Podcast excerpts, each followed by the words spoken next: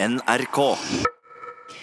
Salget av eh, romaner for voksne er nesten halvert siden i fjor, viser Forleggerforeningens eh, nye salgstall for årets tre første måneder. Bransjen selv håper at det er eh, tilfeldigheter som spiller inn her, men samtidig så kommer årets salgsnedgang på toppen av en nedgang også i fjor. Leser dere mange bøker? Leste mer før da jeg var mindre. Nå på universitetet så går det mye pensum, da. så det blir ikke så mye tid til å lese bøker jeg syns er spennende. Jeg, jeg, leser egentlig ikke så mange bøker, nei. Jeg gjør egentlig ikke det. Nei, det blir kanskje mest i ferier, men eh, litt uh, jevnt over. Uh, har alltid en bok på nattbordet. Svarene vi fikk da vi spurte tilfeldige personer på gata, stemmer godt overens med salgstallene for bøker i Forleggerforeningens nye rapport. For de tre første månedene av året er den totale nedgangen på 9% om vi sammenligner det med salget fra samme periode i fjor. Aller mest nedgang er det for skjønnlitterære bøker for voksne. Der går salget ned med hele 44% Disse katastrofetallene bare for en kort periode, det må vi ikke se på, for det skyldes enkelttitler. Det sier administrerende direktør i Forleggerforeningen, Kristen Einarsson. Han sier at årsaken til den store salgsnedgangen i skjønnlitteraturen er at én eller to bøker solgte spesielt godt i fjor. Han mener derfor det er viktigere å se på utviklingen over lengre tid. Det er bedre å se den større sammenhengen, og da er det ikke sånn utslag. Men at vi har en reduksjon i totale boklesningen i fjor på størrelsen av orden 6-7 eh, det, det, det er helt klart, og det kan hende at det også skjer i år. og Det er derfor noe må gjøres. Ifølge leserundersøkelser er det særlig storlesere i aldersgruppen 29 til 35 år som nå leser mindre enn de gjorde før. Men Einarsson har troa på at de skal få de tilbake til bøkene. Den altså, største utfordringen forteller leserne oss, det er at de bruker for mye tid på sosiale medier. Og de strømmer mer levende bilder enn de har gjort noen gang før. Og i sum så, så er dette en sånn tidsbruk som de gjerne vil gjøre litt annerledes. Og, og det syns jeg vi er det inspirerende, at de, de gjerne vil uh, lese mer. Ifølge Trine Stensen administrerende direktør i Bokhandlerforeningen, merker bokhandlerne svingningene i boksalget? Nei, det er jo alltid grunn til uh, bekymring når vi ser at boksalget går ned. Men uh, jeg tenker jo at det ikke viser hele bildet. Jeg har to uh, forklaringer på det. Det ene er at i og med at Norge er et lite marked, så vil en stor tittel året før prege statistikken året etter. Og det andre er at vi har jo også sesongsvingninger, så det er jo litt tidlig å si hvordan året vil utvikle seg. Stensen sier at bokhandlerne merker all nedgang i salg, og at det er konkurranse fra nye kanaler. Men hun mener at bredden bokhandlerne tilbyr, er viktig for samfunnet. Strømming vil jo ikke være en bærekraftig modell på sikt. Det vil jo ikke være bærekraftig for å utvikle nye, fine forfattere og bøker. og Derfor så trenger vi jo også en sterk bokhandel som selger bøker og introduserer bredden for eh, befolkningen. Det tror vi er veldig viktig for lesingen. Og reporter om boksalget var Petter Pettersen. I helgen hadde Nasjonalballetten premiere med forestillingen Barokkbevegelse. En forestilling som består av fire korte ballettverk, og som da har barokken og barokkmusikk som felles tema. Et av disse verkene heter How Did I Get Where? og handler om demens, av alle ting.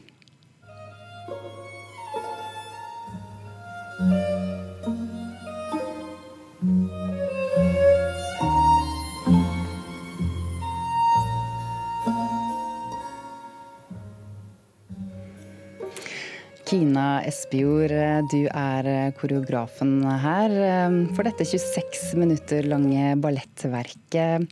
Hvordan fant du på å lage en ballett om demens? Du, det har vært et tema som har ligget og brygget eh, over ganske mange år. Ettersom min farfar eh, gikk bort med demens. Um, og det var liksom noe som man så så tydelig, men som vi kanskje ikke snakket om. Og i alle fall ikke med han. Og likevel så så man at eh, ting som vanligvis var selvfølgelige, ble vanskelige. Og når han flyttet på dette hjemmet, så kom det kanskje som et lite sjokk på meg at det var ikke bare gamle mennesker eh, der. Det var også altfor unge mennesker som eh, hadde fått en demens hvor hodet ikke lenger fungerte sånn som det skulle. Hvordan kommer disse personlige erfaringene dine til uttrykk eh, i denne forestillingen? Jeg tror det at jeg får veldig eierskap til det, og at jeg ønsker å fortelle om det veldig ærlig.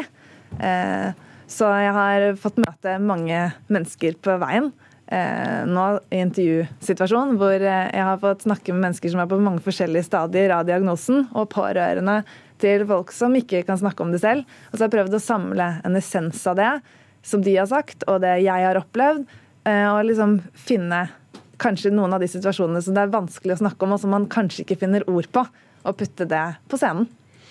Hva er det du ønsker å formidle her? Um, jeg ønsker å um, finne noe vakkert i noe som er vanskelig. Og, og at, vise at liksom alt fortsatt er der, selv når man ikke ser det lenger. Så jeg har tenkt på gruppen min som hele. Og det er ingen som forlater scenen, men det er det man ikke finner sammenhengen mer, så forandrer det seg til noe annet. Og det er det jeg har prøvd å gjøre med forestillingen. Hvordan eh, ser dette verket ut? Hvordan skiller det seg fra mer tradisjonelle eh, ballettforestillinger? Det er fortalt på en abstrakt måte, så det er jo ikke et narrativ hvor vi følger ett menneske som blir syk, f.eks. Jeg har tenkt som sagt på danserne mine som hele, så vi er elleve dansere i dette stykket. Og at sammen så fungerer de som en organisme. Men når én detter ut, så forandrer det hele situasjonen for alle. Så det er liksom som om alt er der. som de er minner, på en måte. Og når de har noe før og etter, så make sense. Men når det kommer Ja, når det ikke er noe før og etter, så blir det litt eh, vanskeligere. Så fikk eh, How Did I Get Where eh, strålende kritikk i Aftenposten i går. Jeg må nesten spørre deg, Hvordan var det å lese det? Er jo selvfølgelig veldig, veldig hyggelig når man får eh, bra kritikker. Eh, og spesielt når det er noe som man eh, selv føler at det er viktig at folk ser. Men det viktigste er jo at man er tro mot seg selv, og at man formidler noe som man tenker at kan nå fram til noen. Sånn, og at det kanskje kan nå fram til enda flere nå som kritikken har vært så bra. Det er jo veldig hyggelig. Forestillingen danses også i Operaen til og med 5. mai. Takk for at du kom hit til Nyhetsmorgen, Kina Espejord, koreograf. Okay, first of all, you're like the greatest mom ever to want to protect Danielle like that. Thank you. I can't believe she was blackmailing you. Her hørte vi Felicity Huffman i TV-serien Frustrerte fruer. For nå skal det nemlig dreie seg om Huffman og det som omtales som tidenes største korrupsjonsskandale ved amerikanske universiteter. For nå har hun rett og slett erkjent skyld i dette. Reporter Ingunn Mikkelsen, du må forklare. Ja, Hun er en av 13 foreldre som har sagt seg skyldig i å ha betalt bestikkelser for å få barna sine inn på toppuniversiteter i eh, USA. Totalt 50 personer er tiltalt i eh, denne saka, disse 13 som nå har tilstått, de har inngått avtaler med påtalemyndigheten, eh, skriver den amerikanske avisa USA Today. Og Hun sier rett og slett Hoffman, altså at hun skammer seg ja, og Hun eh, sier at hun tar fullt og helt ansvar for handlingene sine. Hun skammer seg over smerten hun har påført dattera og alle de involverte. Og hun eh, har, eh, skal også ha, ha, betalt 15 000 dollar, altså rundt 130 000 norske kroner, for å få dattera inn på et prestisjeuniversitet. Og så til eh, Sverige, for i går måtte teatersjef ved det svenske, den svenske, nasjonal, det svenske nasjonalteatret Dramaten i Stockholm, eh, norske Eirik Stubø, gå av. Han måtte gå av etter å ha latt eh, en mishandlingsdømt skuespiller få stå på scenen, en sak som ble aktualisert i en SVT-dokumentar om Josefin Nilsson. Svenske kommentatorer skriver om dette i dag. Hva sier de? Ja, Blant annet så skriver forfatter Anna Engstrøm i Svenska Dagbladet at Stubø fremstår som en lysende kunstner, og at han fornya Dramaten på mange vis gjennom ulike oppsetninger i sin tid der. Men samtidig så ser det ut til at han ikke var like engasjert i personalets ve og vel. Og han skal ha fått klager for at han ikke grep inn i arbeidsmiljøsaker eh, når han burde, og, at, og hun mener det var logisk at han måtte gå nå etter denne dokumentaren og den kritikken som kom etter det. Men, men, samtidig så sier hun jo også at han har blitt en syndebukk her. Ja, Hun mener at han ble syndebukk for et mangeårig problem på Dramaten eh, som ble belyst under metoo. Og hun tror jo at eh, det er bra at de nå splitter den kunstneriske, det kunstneriske lederskapet fra den daglige drifta ved teatret, og at det kan hjelpe på disse problemene. Takk skal du ha, Ingunn Mikkelsen. Kilden teater i Kristiansand har et prosjekt denne våren, og det er å sette demokrati på dagsordenen. Hvordan preger internett og sosiale medier livene vi lever, og staten vi lever i? Det er eh, noen av spørsmålene. Og Det nyeste teaterstykket i denne serien, eh, som har hatt premiere nå sist helg, heter Helt privat, av en britisk dramatiker James Graham, teaterkritiker i NRK, Karin Frøsland Nystøyl. Hvem er denne Graham? Han er en britisk dramatiker som har skrevet en rekke stykker, og noen av de har jo til og med nådd West End. Han er kjent for å skrive politiske drama og for å skrive komedie. Og det siste han gjorde, faktisk, det var et TV-drama som heter Brexit, The Uncivil War, som går på HBO, der bl.a. Benedict Cumberbatch spiller en av rollene.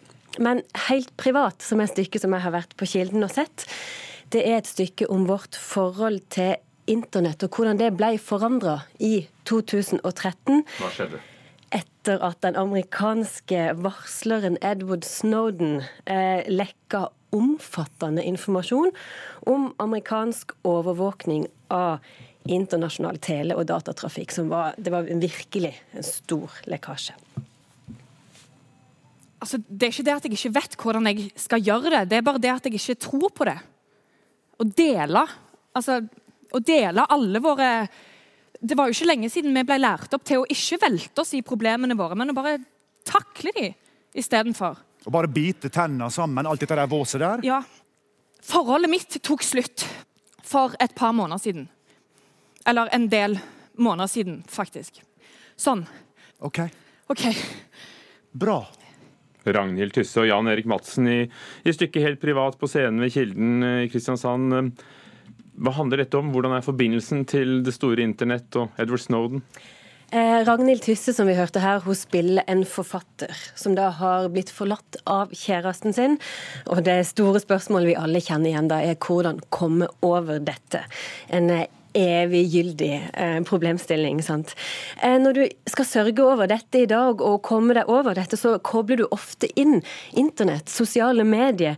Eh, før så kunne du skrive et brev der du delte følelsene dine. Her skriver hun en mail til ekskjæresten sin, og den havner jo et helt annet sted enn hun hadde tenkt. Og plutselig så er denne veldig private og sensitive informasjonen offentlig på en eller annen måte. Og det var jo aldri meninga. Så alt man deler på nett kan bli offentlig på en helt annen måte enn om, ja, om man hadde skrevet et brev. da.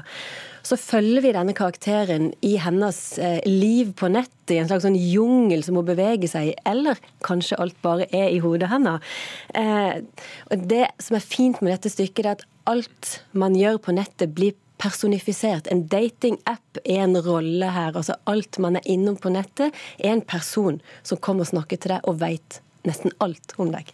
Er det et godt stykke? Du snakker i hvert fall med innlevelse? ja, jeg syns det er et veldig godt stykke. Jeg syns regissør Audny Chris Holsen har gjort, eh, gjort stykket så morsomt og oppfinnsomt og spennende. Og alle disse nettfunksjonene vi kjenner, som datingapper og annet. Det blir gjort, altså det, det, er rom for veldig fine karikaturer uten at alvoret i stykket forsvinner på noen måte. Og det gir rom for både veldig fint spill og i denne gode regien, syns jeg. Men hvor ble det av varsleren, Edward Snowden? Han er ikke der som person, men, men han refereres til hele tida. Altså, han er jo helt uunngåelig når han skal snakke om internetts historie, så må han òg nevnes helt privat på Kilden teater frem til 3. mai. Takk skal du ha, Karin Frøsland Nystøl, at du så den på vegne av oss.